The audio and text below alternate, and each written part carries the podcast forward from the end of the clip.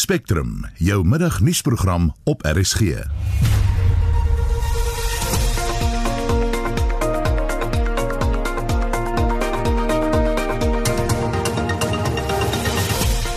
In die program ons kyk na die impak van die COVID-19 pandemie op jou polisse en of hulle sal uitbetaal indien jy die virus opdoen of erger.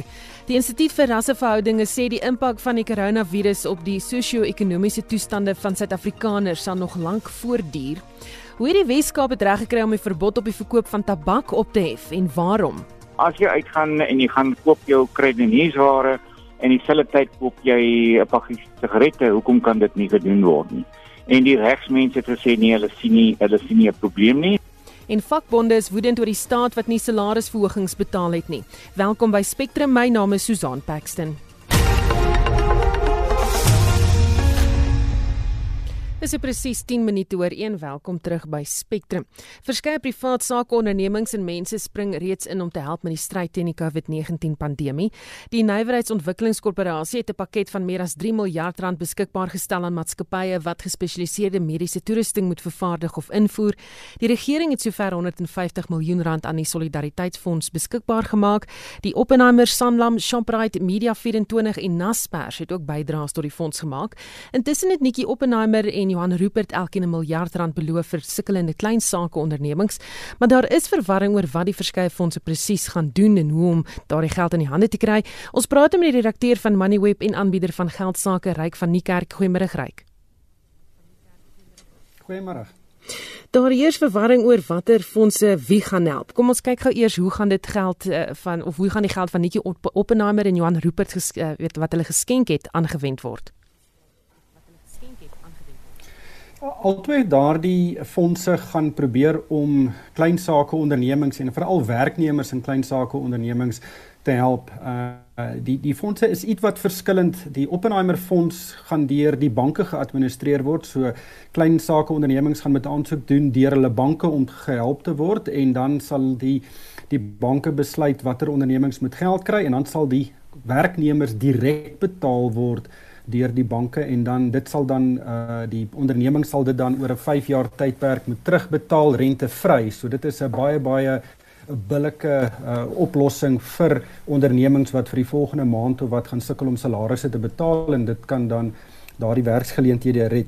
Die roeper donasie gaan uh, geadministreer word deur business partners wat natuurlik 'n deel is van die Remgrow groep, maar daai 1 miljard rand gaan in 'n spesiale trust ehm um, gehuisves word en dan sal business partners nou deur 'n proses uh ondernemings kies vir wie hulle kan help en uh, daardie hulp sal dan ook terugbetaalbaar wees oor 5 jaar maar jy sal geen terugbetaling hoef te doen in die eerste uh een eerste jaar nie en as hulle ook nie rente gegee word in die eerste jaar nie. En die idee is dan as die ondernemings dan hierdie aanslag oorleef dat hulle die lenings terugbetaal, daai geld teruggaan in die trust en dan sal daar geld beskikbaar wees om ander ondernemings te help in die toekoms. Is daar ander fondse wat aan groter maatskappye beskikbaar gestel sal word?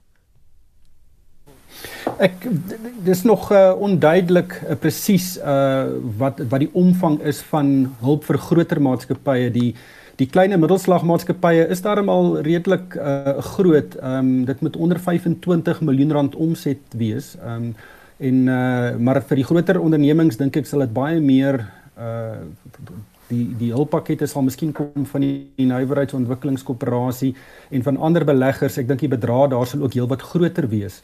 Ehm um, as mens byvoorbeeld kyk na Edcon uh en ehm um, van die ander kleinhandelaars wat in groot winkelsentrums is en en regtig sukkel, ons kan praat van hulp van miljarde rande. So ek dink daar sal 'n meer 1 tot 1 onderhandeling wees met banke en ander finansierders. Kan mense al aansoek doen? nie by die Oppenheimer of Rupert uh projekte nie. Ek dink kyk natuurlik hierdie projekte is naarstiglik aan mekaar gesit. Uh ek dink die Die skenkings is minder as 2 weke gelede aangekondig en daar's nou groot geskarrel gemaak om reëls te skep van wie gehelp kan word, hoe gehelp gaan word. Ek dink business partners gaan môre uh, 'n portaal bekend maak uh, of oopstel waar ondernemings kan aansoeke indien en die Oppenheimer inisiatief um, deur die banke sal ook ek dink binne die volgende paar dae 'n soortgelyke 'n platform bekend maak waar mense kan aansoek doen. Dan die solidariteitsfonds is nie daar om klein saakondernemings te help of so nie. Dit het 'n ander doel, reg? Ja, dit wil regtig net help dat ons hierdie ehm um, die virus kan bestry dat ons die, die regte toerusting aankoop, uh die regte ehm um, weet natuurlik mense kry op die regte plekke om te help veg teen hierdie virus. So dis baie meer ondersteunend tot die regering se aksies om die virus uh, onder beheer te hou. Baie dankie, dit was die redakteur van Moneyweb en aanbieder van geldsaake op RSG Ryk van die Kerk. As jy COVID-19 opdoen, geld al jou polisse soos lewensversekering dan nog of is COVID-19 uitgesluit van alle siektes en gesondheidsprobleme wat gedek word in jou polisse? Ons vra daardie vraag vanmiddag aan die bestuurshoof van Stangen Versekeraars Marius Botha. Goeiemôre Marius. Goeiemôre Susan.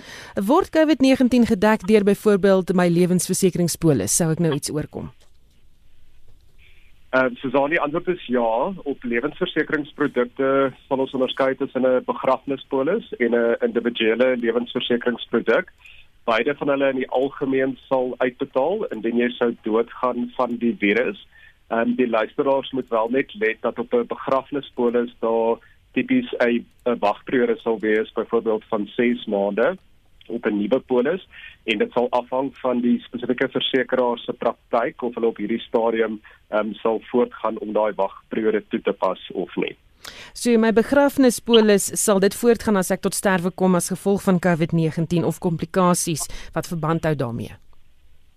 Ja, so definitief as jou polis um, al in plek is vir meer as 6 maande, dit is net indien jy onlangs 'n polis uitgeneem het wat jy net met jou versekeraar moet seker maak op hierdie stadium. Dan het baie mense ook 'n inkomste beskermende polis indien jy siek word dat jy nie kan werk nie. Dek die polis COVID-19?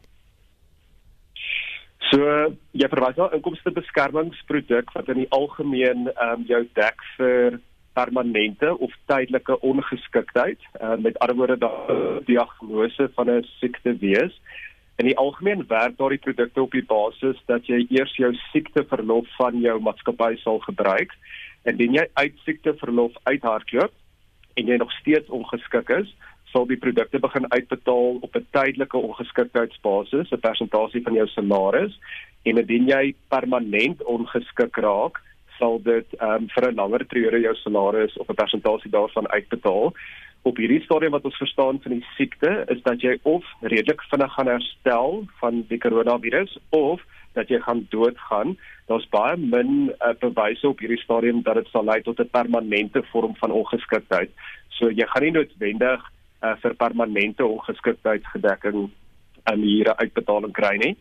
Uh waar jy wel moontlike uitbetaling kan kry is indien jou inkomste beskermingsproduk 'n verlies aan inkomste dekkingskomponent ook het. So indien jy as gevolg van ehm um, die virus op hierdie stadium in die algemeen jou werk verloor of vir 'n periode nie inkomste verdien nie, kan jy ook aansoek doen ehm um, en dit sal 'n persentasie van jou salaris uitbetaal vir 'n paar maande, maar dit slegs vir die inkomste beskermingsprodukte wat daai komponent op die polis het. Is dit ook die jy weet die polisse wat deesdae saam met jou huisverband, motorfinansiering of selfs kredietkaarte kom. So as jy nie kan werk nie uh, vir die volgende 21 dae nie, nie kry jy inkomste nie, kan jy eis van die polis af. So wat ek nou verwys het is net 'n inkomstebeskermingsproduk. Ehm um, wat jy nou oor vra is wat ons noem 'n kredietlewensproduk. So dis heeltemal 'n aparte tipe van produk. Kredietlewensprodukte word in die algemeen saam met lenings verkoop in die mark. Dit is gekoppel aan jou lening en dit het ook 'n hele paar dekkingskomponente. Sou jy doodgaan van die virus, sal die volledige uitstaande leningsbedrag van die lening gedek word en die versekeraar sal die bank direk daai uh, dekkingsbedrag uitbetaal.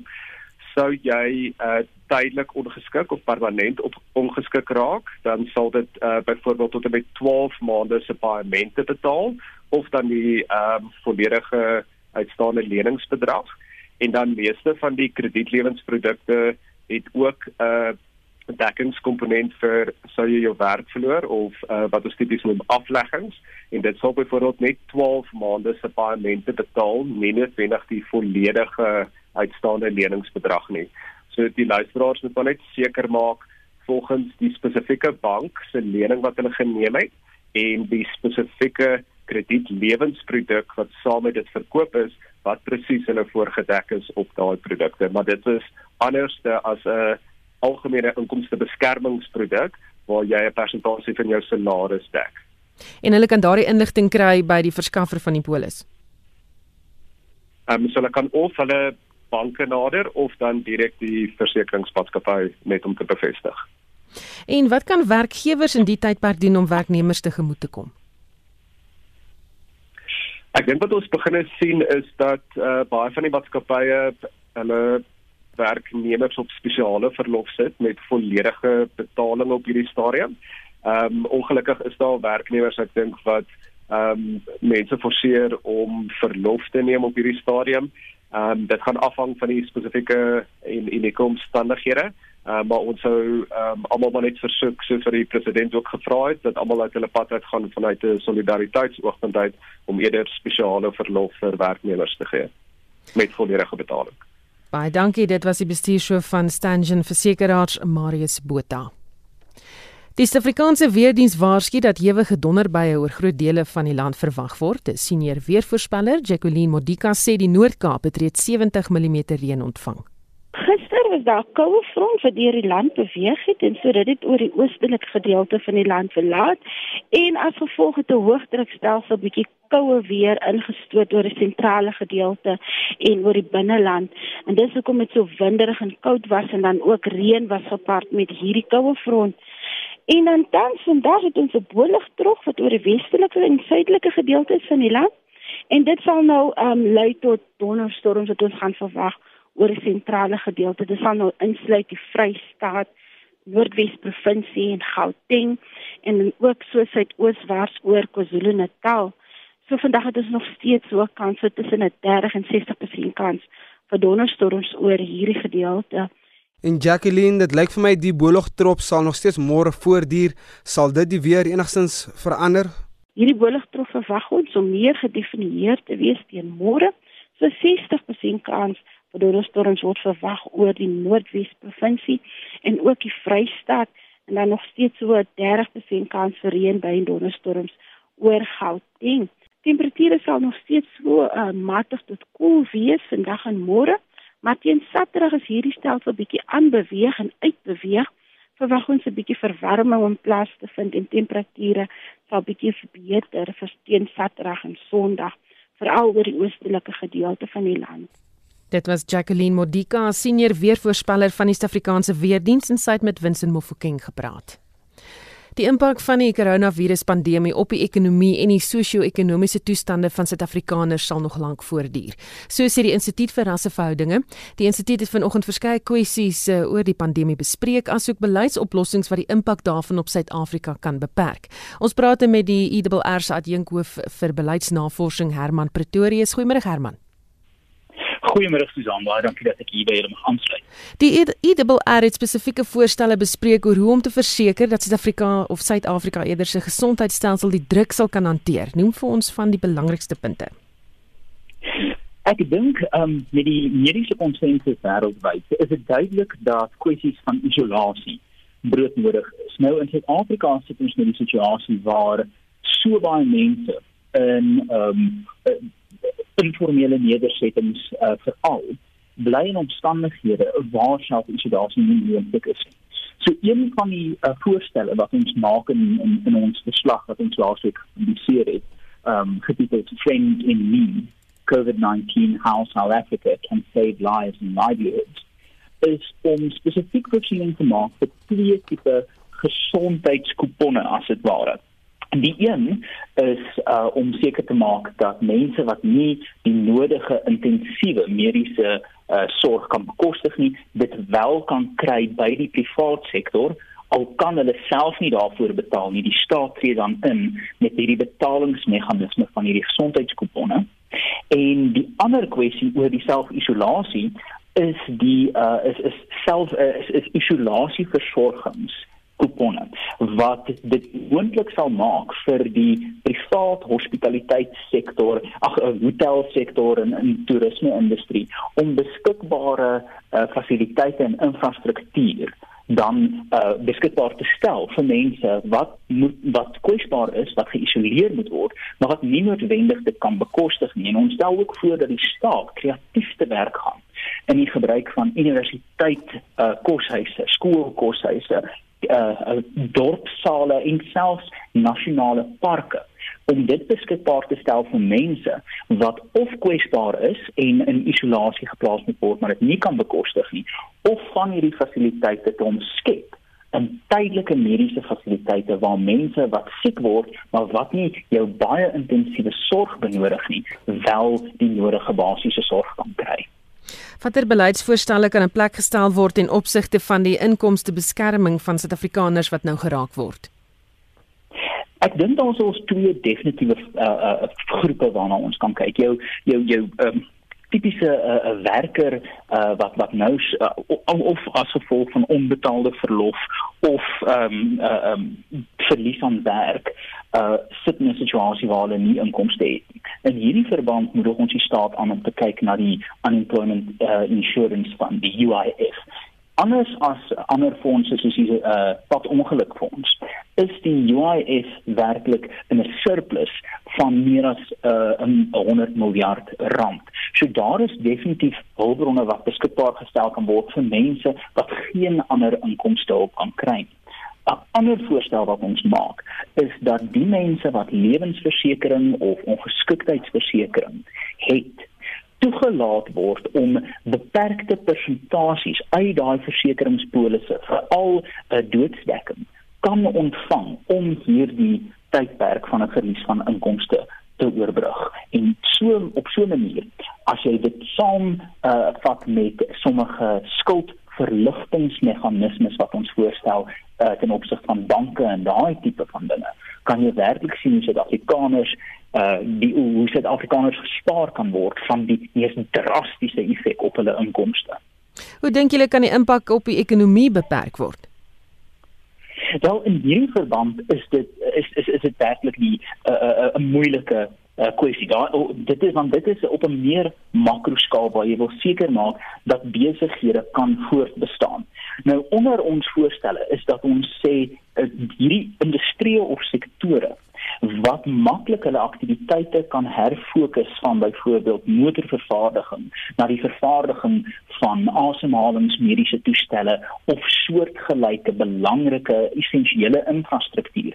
Daai oorgang van een sektorale aktiwiteit na 'n volgende moet so maklik as moontlik gemaak word deur die staat.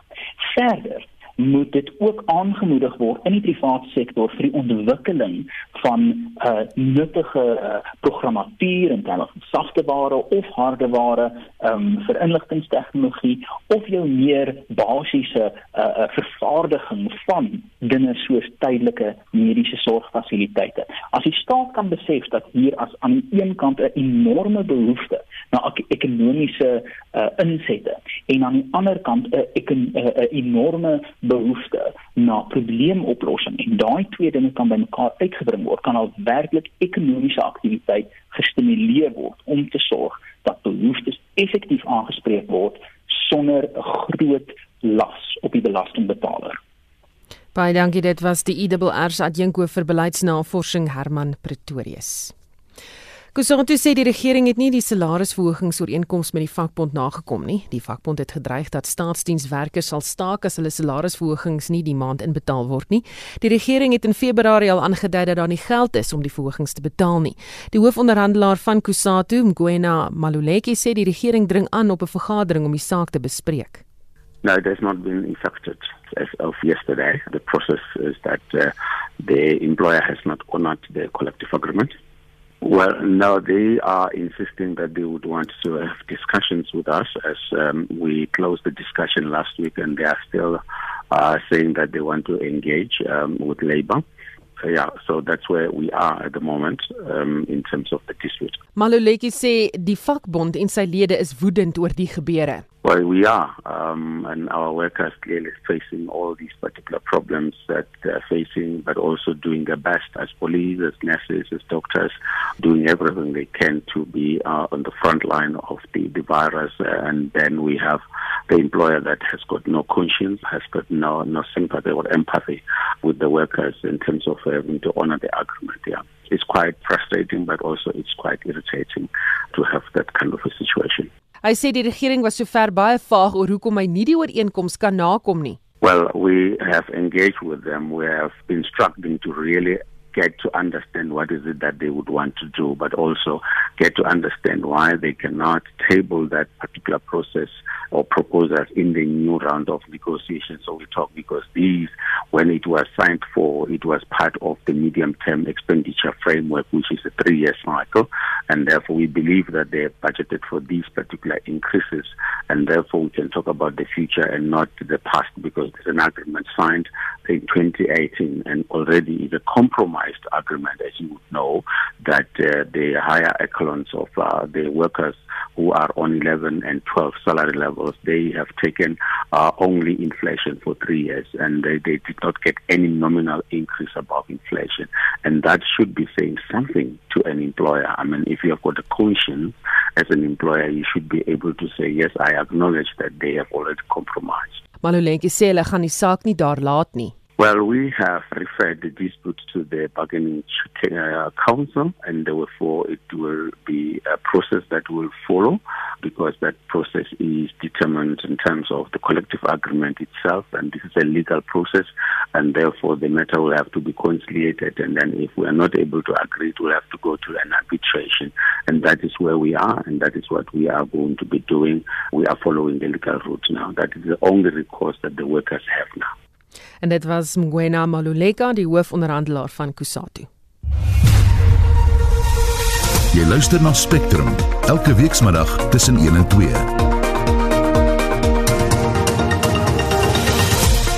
En in Isiopolis sal waarskynlik uitbetaal as jy die COVID-19 virus opgedoen het en nie kan werk nie. In die algemeen werk daardie produkte op die basis dat jy eers jou siekteverlof van jou maatskappy sal gebruik en indien jy uit siekteverlof uithardloop en jy nog steeds ongeskik is, sal die produkte begin uitbetaal op 'n tydelike ongeskiktheidsbasis, 'n persentasie van jou salaris en indien jy permanent ongeskik raak, sal dit um, vir 'n langer periode jou salaris op 'n persentasie daarvan uitbetaal. Die koronaviruspandemie saai steeds verwoesting op die jaar se sportkalender. Die minister van vervoer het besluit het of het 'n besluit herroep wat taxi-bestuurders toegelaat het om sy volle kapasiteit te mag gebruik. En ons praat ook met 'n vervoer-ekonoom oor die impak van die inperking op die taxi-bedryf en of hulle voorkeur moet geniet. Bly ingeskakel. 1333 jy luister na Spectrum die minister van vervoer Fikile Mbalula het besluit herroep wat taxi-bestuurders toegelaat het om 100% van sy kapasiteit te mag gebruik. Mbalula het gister aangekondig dat taxi-bestuurders die maksimum aantal pendelaars mag vervoer mits passasiers gesigmaskers dra. Hy sê egter nou dat taxi 70% van sy kapasiteit kan vervoer, handontsmettingsmiddel beskikbaar stel aan pendelaars en hulle taksies gereeld moet skoonmaak. We realize that it will cause confusion. We don't need it. And therefore we stick with 70%. And then we take out the 100% because it can be abused. And besides, we listen to people because this is the people campaign. So when we spoke about that last night, the committers and everyone around the country said, no, no, no, no, minister, you cannot go in that direction. Don't even start. If we are about social distance, stay with social distance. Mbalula was sedert 5 uur vanoggend by die breë taxi staanplek in die Johannesburgse middestad om die staanplek sowel as voertuie te ontsmet. Die minister het ook verseker dat alle passasiers hul hande ontsmet voordat hulle by die taksies inklim. Mbalula sê ook dat sy departement tydens die sluiting sal toesien dat alle openbare vervoerfasiliteite ontsmet word. We continue to sanitize people, but at the same time we give masks to the people in the taxis. as you will see this morning, uh, is what we'll actually be doing, and that must be continuous work and our daily routine in these taxi ranks and wherever we transport our people. Die pendelaars sê hulle is tevrede dat die regering die taksies ontsmet. Our concern is the mask because you can use uh, one mask for more than one one day. So it's better if the government can issue maybe uh, public transport the mask and sanitizer so that we can be safe. I'm happy because they are taking initiative. They are taking initiative and we must meet them up for it. I'm feeling happy. They are doing right thing. They sanitize us. Everything is fine. Taksiverenigings verwelkom ook die skuif deur die regering. Shile Makanyane is van die Faraday Taxi Vereniging. With the, with the whole process, I, I believe because I myself am afraid of this disease. So if our people, of if our passengers are getting a chance to be sanitized, it's a good thing. I appreciate the government what has done for us. I'm looking forward that this is going to help us. Taxi sal vir die res van die inperking slegs toegelaat word om van 5 uur tot 10 uur in die oggend en van 4 uur tot 9 uur in die aand te werk. Hierdie verslag deur Sashanaidu en ek is Justin Kennerly vir SI Garnis. Die nasionale taksivereniging se woordvoerder, Theo Malalele, sê intussen hulle verwelkom die minister van vervoer se besluit oor die hoeveelheid mense wat in taksies vervoer mag word. First and foremost, the minister had proposed uh, that 100% and we were under the impression that uh, he must have consulted with the uh, Department of Health and everyone else and uh, clearly that looked like it was not the case perhaps hence the rescinding from uh, 100% to 70%. But yes, our leaders were consulted uh, late last night about this uh, sudden change, and uh, we will welcome the sudden change because we are for the flattening of the curve of uh, COVID-19. Malele sê hy is egter nie verras oor die besluite wat vinnig geneem word en dan weer omgekeer word nie. you know, you know the, the politicians for you, um, they say this and they mean the other. You know, they have this propensity. Alle passasiers en bestuurders in taksies moet ook maskers dra. Malele sê dit is 'n uitdaging om hierdie maskers te kry. Well, currently the masks are being supplied by government and we've also are getting support from some of our corporate partners and uh, we still are rallying for, you know, gunning for more support to assist us uh, in this regard. Malele sê nie al die taksies is tans werksaam nie. Well, look, the, the taxis are actually operational, but not 100% of them because we only are focusing on uh, essential services. But, you know, it seems that we, we have quite a sizable number of people in uh, essential services that uh, are in need of, uh, you know, mobility. And uh, yes, in terms of uh, the adherence of the 70%, the hikers that are living here, they do adhere to that uh, 70% quota. What needs to happen is that we need to, you know, keep on preaching this message so that everybody understands. I mean, uh, you'd appreciate that, uh, you know, this pandemic caught us all by surprise. We never expected, you know, this kind of uh, magnitude. And, and therefore, we need to, you know, try and assist our people to get them to understand, as would understand that uh, it takes a bit of a while for the uh, messages to cascade further down and uh, so that people you know get to understand the the problems at hand. Hy raai pendelaars aan om nie op taksies te klim wat te vol is nie. I wouldn't encourage uh, you know passengers to board onto fully laden taxi.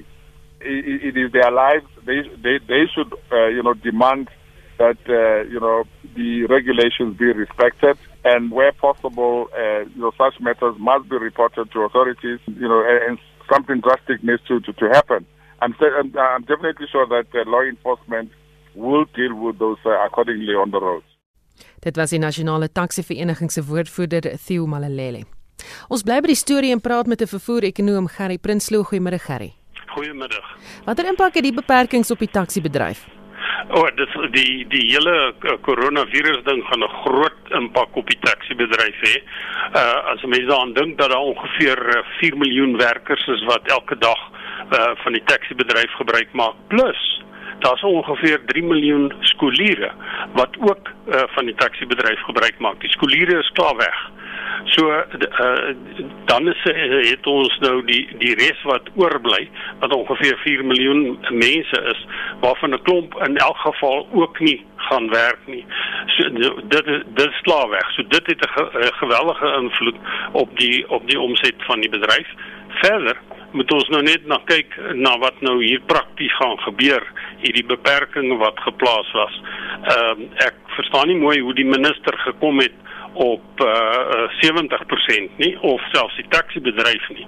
Want as ons na taksies en normale en nou praat ek van die 16 sitplek taksies. Uh as ons na hulle kyk, hulle sê hulle het 4 rye van 4 mense wat in die taxi sit, gee 'n totaal van 16, dis hoe hulle gelisensieer is. Nou as jy 7 insit, sewe passasiers, dan sit dan is daar twee sitplekke tussen hulle oop. Die oomblik as jy meer insit, dan moet jy of 'n persoon tussen sitplekke laat sit of uh, hy gaan styf teen 'n ander een moet sit. So die praktiese deel van hierdie beperking, die uitvoering daarvan verstaan ek nie, maar dat dit 'n geweldige impak gaan hê in elk geval op die omset van die bedryf. Dit is glad nie te betwyfel nie. Is daar moontlikheid dat ons afleggings in die bedryf kan verwag? O, verseker, daar sal sekere roetes wees, onthou meeste van hierdie taksies opereer op roetes. Uh de, de, nie net afleggings nie, daar mag van die taxi eienaars wees wat uh, net vind dat hulle nie genoeg passasiers het om te vervoer nie. Uh onthou die meeste van hierdie taksies behoort aan kleiner ondernemings. So verseker gaan daar 'n uh, klomp mense wees wat nie 'n inkomste gaan kry nie of 'n baie lae inkomste gaan kry. Maar dit is nou nie anders as wat baie van die ander bedrywe is nie. Het ons effens dan geraak maar die nuwe maatreël bepaal dat daar nou 9 mense in 'n taxi mag ry of hulle gesigmaskers dra of nie. Is dit nie steeds 'n gesondheidsrisiko wat die verspreiding van die koronavirus kan versnel nie? Ja, ek is natuurlik nou nie 'n medikus nie, maar eh, dit sou net vir my logies wees as ek 9 mense in daai taxi gaan sit, soos wat ek vroeër gesê het, dan gaan daar twee styf teen mekaar sit of die wat in die middel moet sit moet oor twee sitplekke sit want die sek, die die, die minibus taksies het vier sitplekke in 'n ry daar's vier rye van vier. Uh so uh, ja van daai van daai hoogtepunt af uh sal das verseker met die met die mediese mense gepraat moet word om te bepaal of dit uh enigstens uh, die doel gaan dien om die virus te bekamp uh wat is ons doel die virus te bekamp of om die taxibedryf te red uh, op die ou end as ons nie die virus bekamp nie, dan weet ek nie waar gaan die taxibedryf heen in elk geval nie. Hmm. Die finansiële impak uh, op die taxibedryf as jy byvoorbeeld die tye wat hulle mag ry inperk? Uh, kyk dit uh, dit gaan 'n geweldige impak hê. Daar dis daar is nie syfers beskikbaar om presies te bepaal wat presies bepaal uh wat die om, wat die totale omset van die taxibedryf is nie.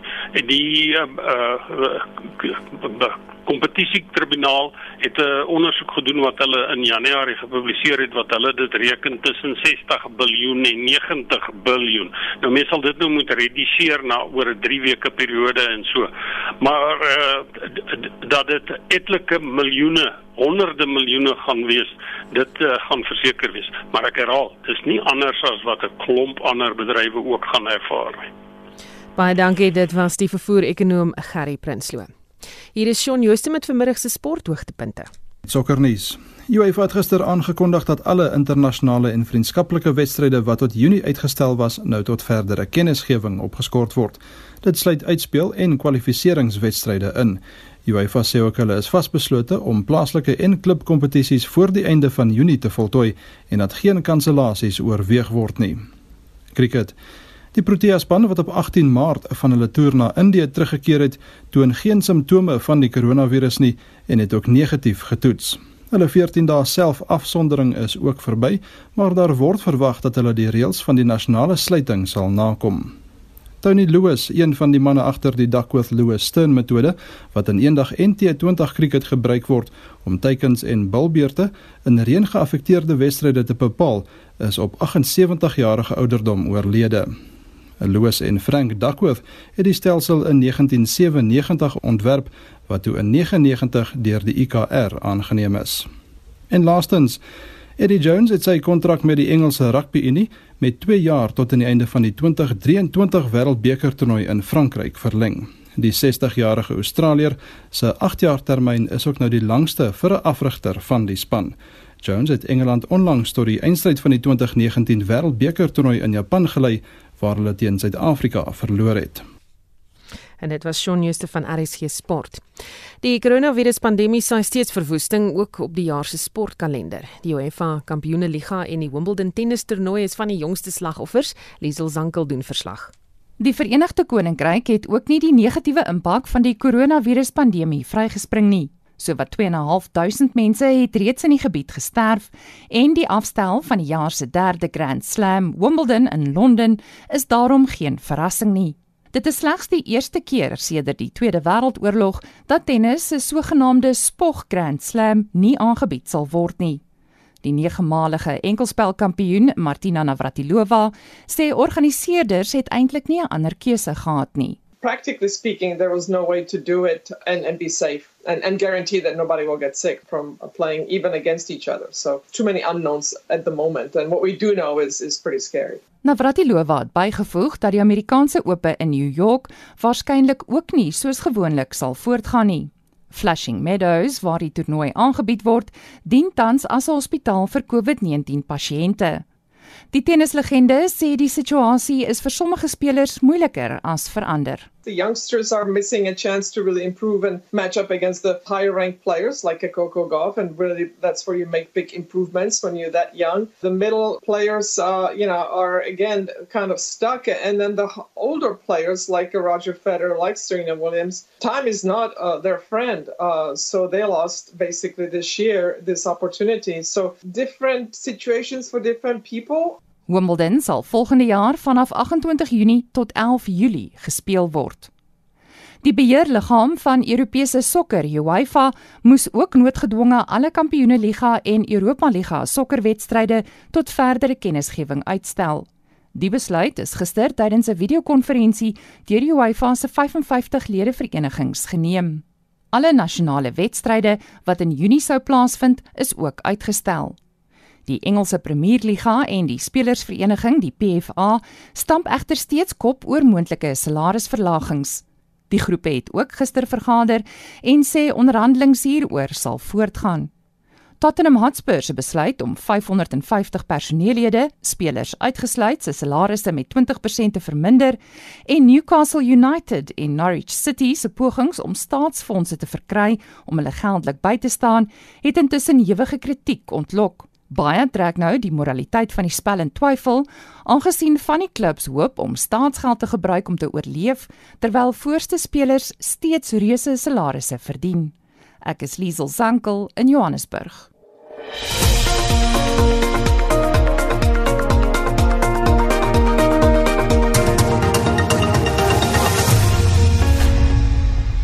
Munisipaliteite reg oor die Wes-Kaap het 'n wye reeks ingrypings aangekondig wat daarop gemik is om die impak van COVID-19 op hulle gemeenskappe te versag. Dit sluit in die opheffing van beperkings op water en elektrisiteit en in sekere gebiede en voortdurende operasies om inwoners se veiligheid te verseker. Ons praat met die woordvoerder van die minister van plaaslike regering en omgewingsake, James Brent Stein. Goeiemôre James. Goeiemôre, lekker om by julle te wees. Dis byna 'n week sedert die inperking in werking getree het. Hoe gaan dit sover in die Wes-Kaap? Dit gaan maar of. Die mense werk uh, 24 uur van die dag, uh, round the clock. Daar's mense wat al 23 dae in een werk sonder, jy weet, rus. Ehm um, en dit gaan reg oor die provinsie so. So ons maak maar voorsiening uh waar ons kan en ons werk uh, so hard as wat ons kan om seker te maak dat ons hierdie ding so hard kan vat as wat ons moontlik kan. Uh, so ja, jy weet dit, dit onder die omstandighede um, gaan dit gaan dit gaan dit goed. Nou, hoe hou julle gemeenskappe ingelig oor die jongste coronavirus nuus?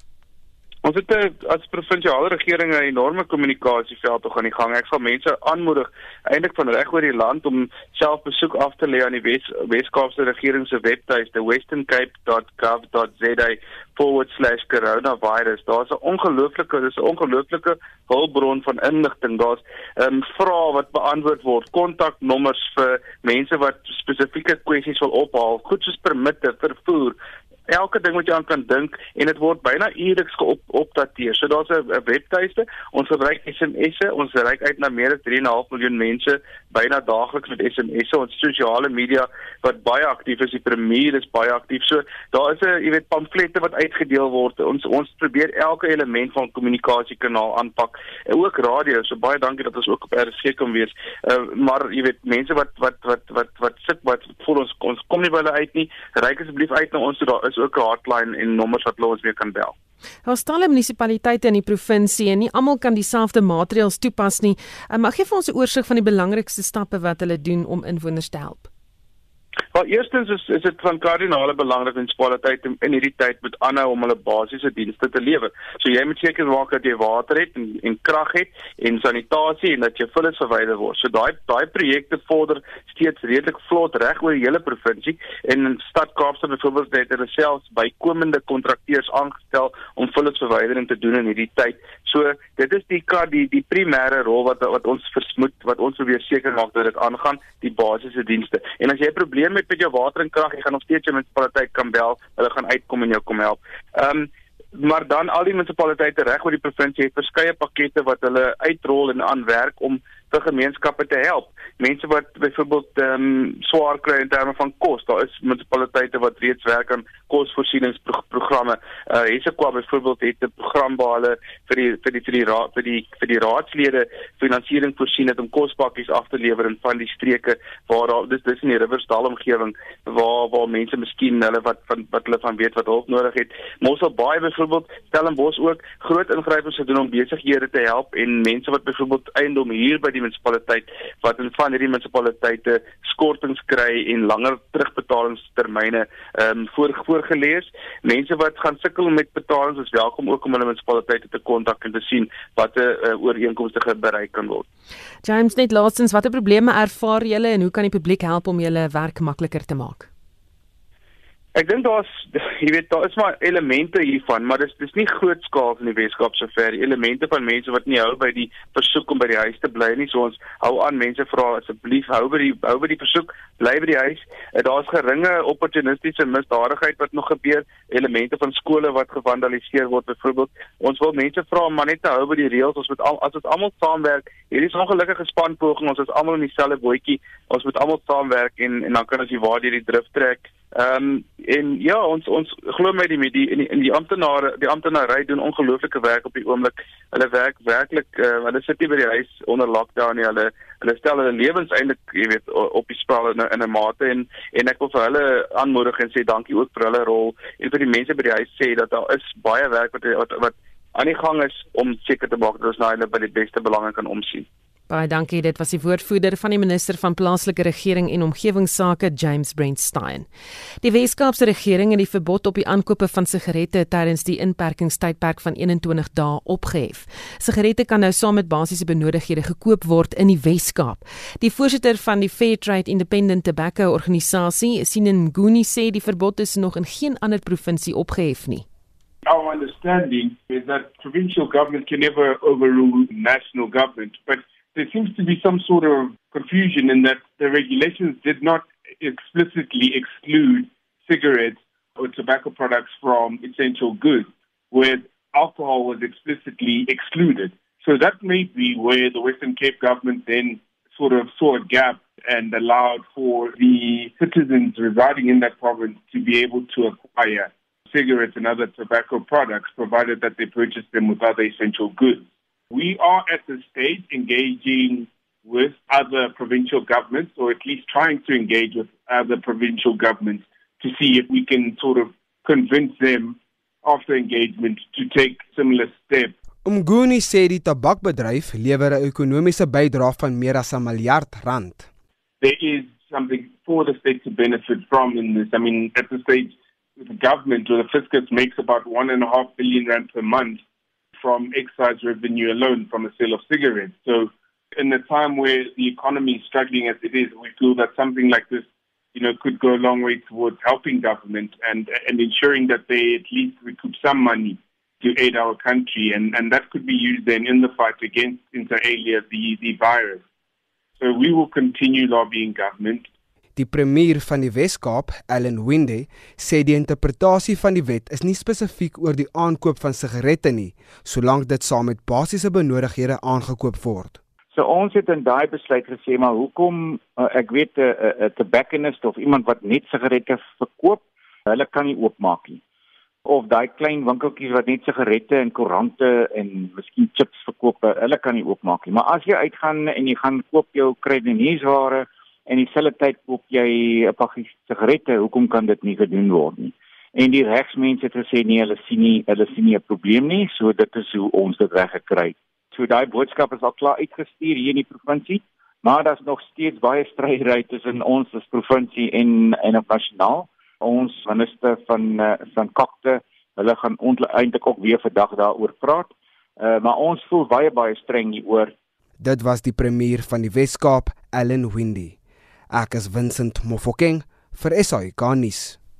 Die afsonderingsmaatreëls waaraan mense tydens die Grendelstaat moet voldoen, het duisende hawelose mense in 'n veiligheidsdilemma geplaas. Die nie-regeringsorganisasie MES het in Johannesburg, Kempton Park, Kaapstad en Port Elizabeth ingegryp. Ons praat met die uitvoerende hoof Leona Pinaar. Goeiemôre Leona. Goeiemôre Susan, lekker om julle te gesels. Weet julle hoeveel hawelose mense in die groot stede geraak word en wat is die vrese vir hierdie mense se veiligheid en gesondheid?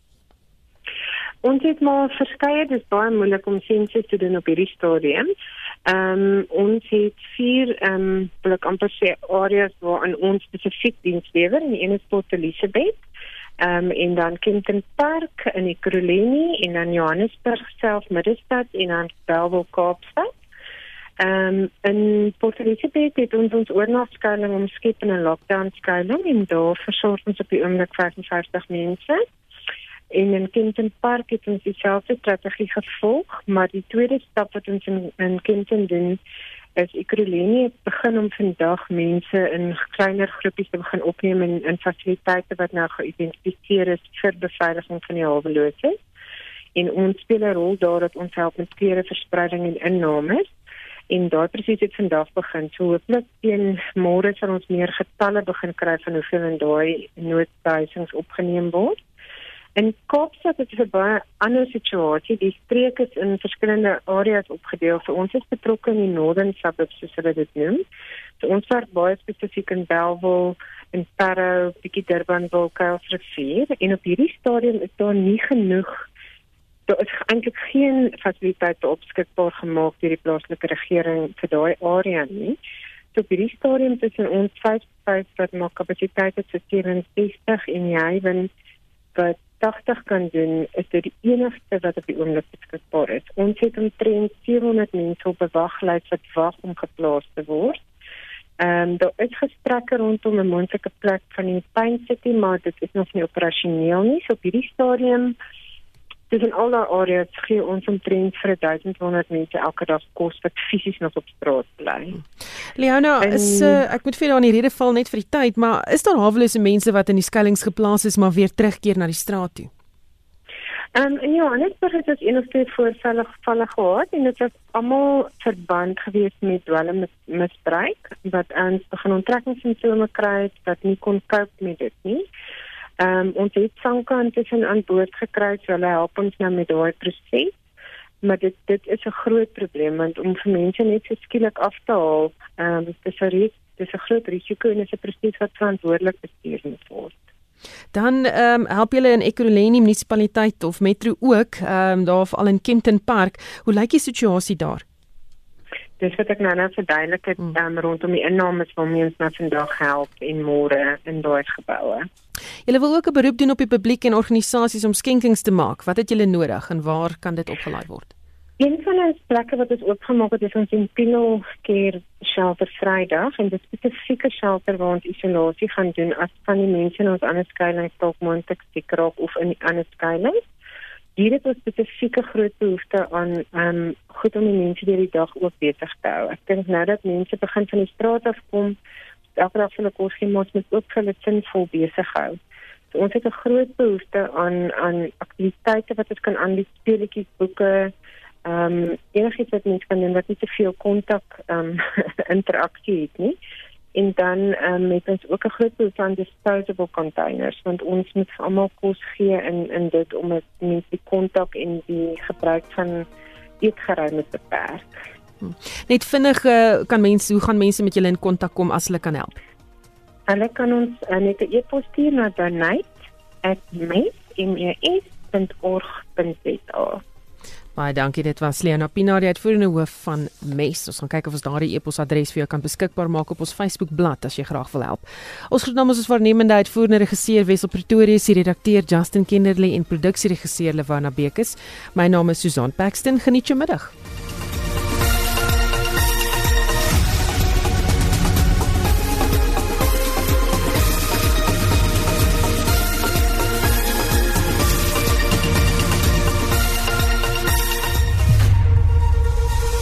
SAK nuus. Onafhanklik, onpartydig.